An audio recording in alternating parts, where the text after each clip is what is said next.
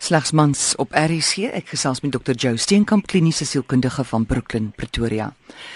Joe, mans wat verkrag word. Wat doen dit aan 'n man as hy so geheim 'n leeftyd saam met hom dra?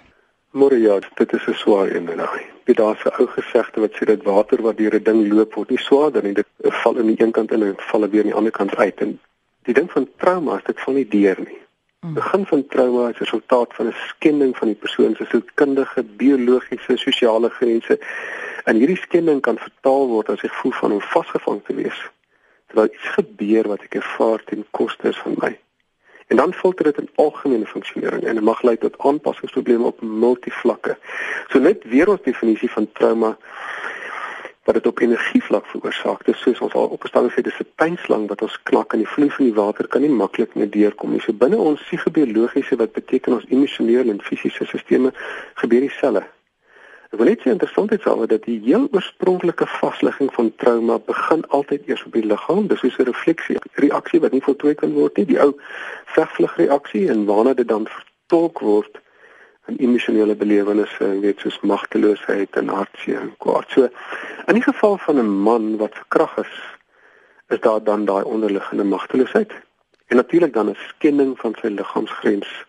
Trauma skend altyd liggaamsgrens. So ons praat van 'n penetrasierespons en dis hoekom daar deesdae so baie gepraat word oor hierdie sogenaamde boundary of dan grensprobleme in verhoudings want ons geaffekteerde liggaamsgrens veroorsaak dan dat ons grensprobleme in verhoudings ervaar. Byvoorbeeld ons is dan te oorbetrokke en ons probeer besit nie van die ander.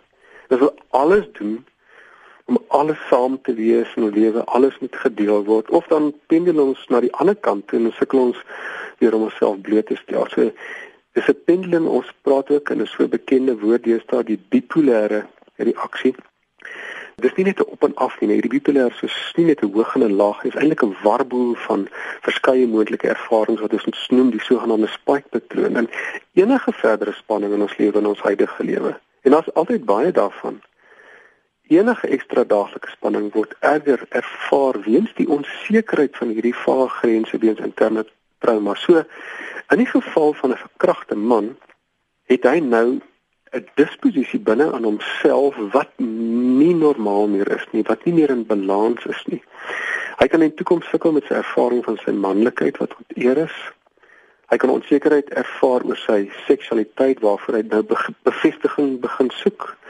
Ons praat van die issue in die tissue En die penetrasierespons wat plaasvind, dit moet deurwerk word om nie iets oor te hou in die liggaam nie, want gestolde energie is 'n kweekplek vir die siektes. Maar hier's nie 'n resept nie. Jy weet, die uniekheid van elke mens wys gereeld in privaat praktyk tydens terapie deur dat een persoon met verkrachting heeltemal aseksueel kan raak. Dit is glad nie belangrik. Terwyl ander weer sukkel met impotensie of selfs ejakulasie prekoks of glad nie intiem kan wees emosioneel nie. Of hy kan later 'n verhouding gaan met 'n ander persoon wat ervaar om die hele tyd ontman Het sukkel met depressie, nagmerrie, slaaploosheid, angstigheid, irritasie.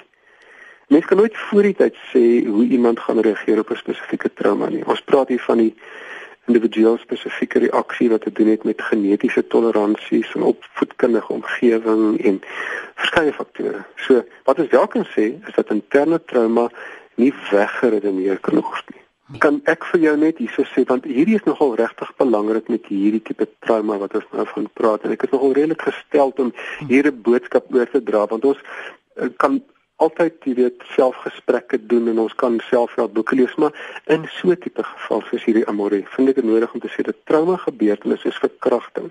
Moet deur 'n geregistreerde sielkundige wat spesialiseer in trauma hanteer word. Die skade wat veroorsaak word en mense wat op onoordeelkundige wyse trauma slagoffers red en aanhalingstekens het langtermyn implikasies met gevolglike kroniese siektes in liggaamsdele. So trauma psigoterapie en vir hierdie tipe ding is 'n hoogs gespesialiseerde veld en in die diepte soek. En so daar's allerlei tegnieke op die mark wat mense verkoop as helingsmetodes. En weet ek is baie pro dat mense goeie self doen. Maar die toepassers te opsigte van hierdie tipe goed het nie die begrip van die diepere psigodinamika wat blootgelê word wanneer die wond van die traumaketting oopgemaak word. So trauma hierdie tipe trauma is 'n gif wat ingekry is en wat op 'n baie spesifieke manier toegelaat word om te detox anders is daar besliste skade. Daar's 'n sinnetjie wat ek nou aan dink aan die course of miracles wat sê dat miracles are simply the translation of denial into proef. En in hierdie geval is dit hoe hierdie spasie gefasiliteer moet word deur 'n trauma spesialis, sielkundige wat die sukses van integrasie gaan bepaal. Dis nie net 'n lê op die mat en vibreer en visualiseer die ongemak en sê drie sinne vyf keer 'n dag op nie. Dis baie meer gespesialiseerd.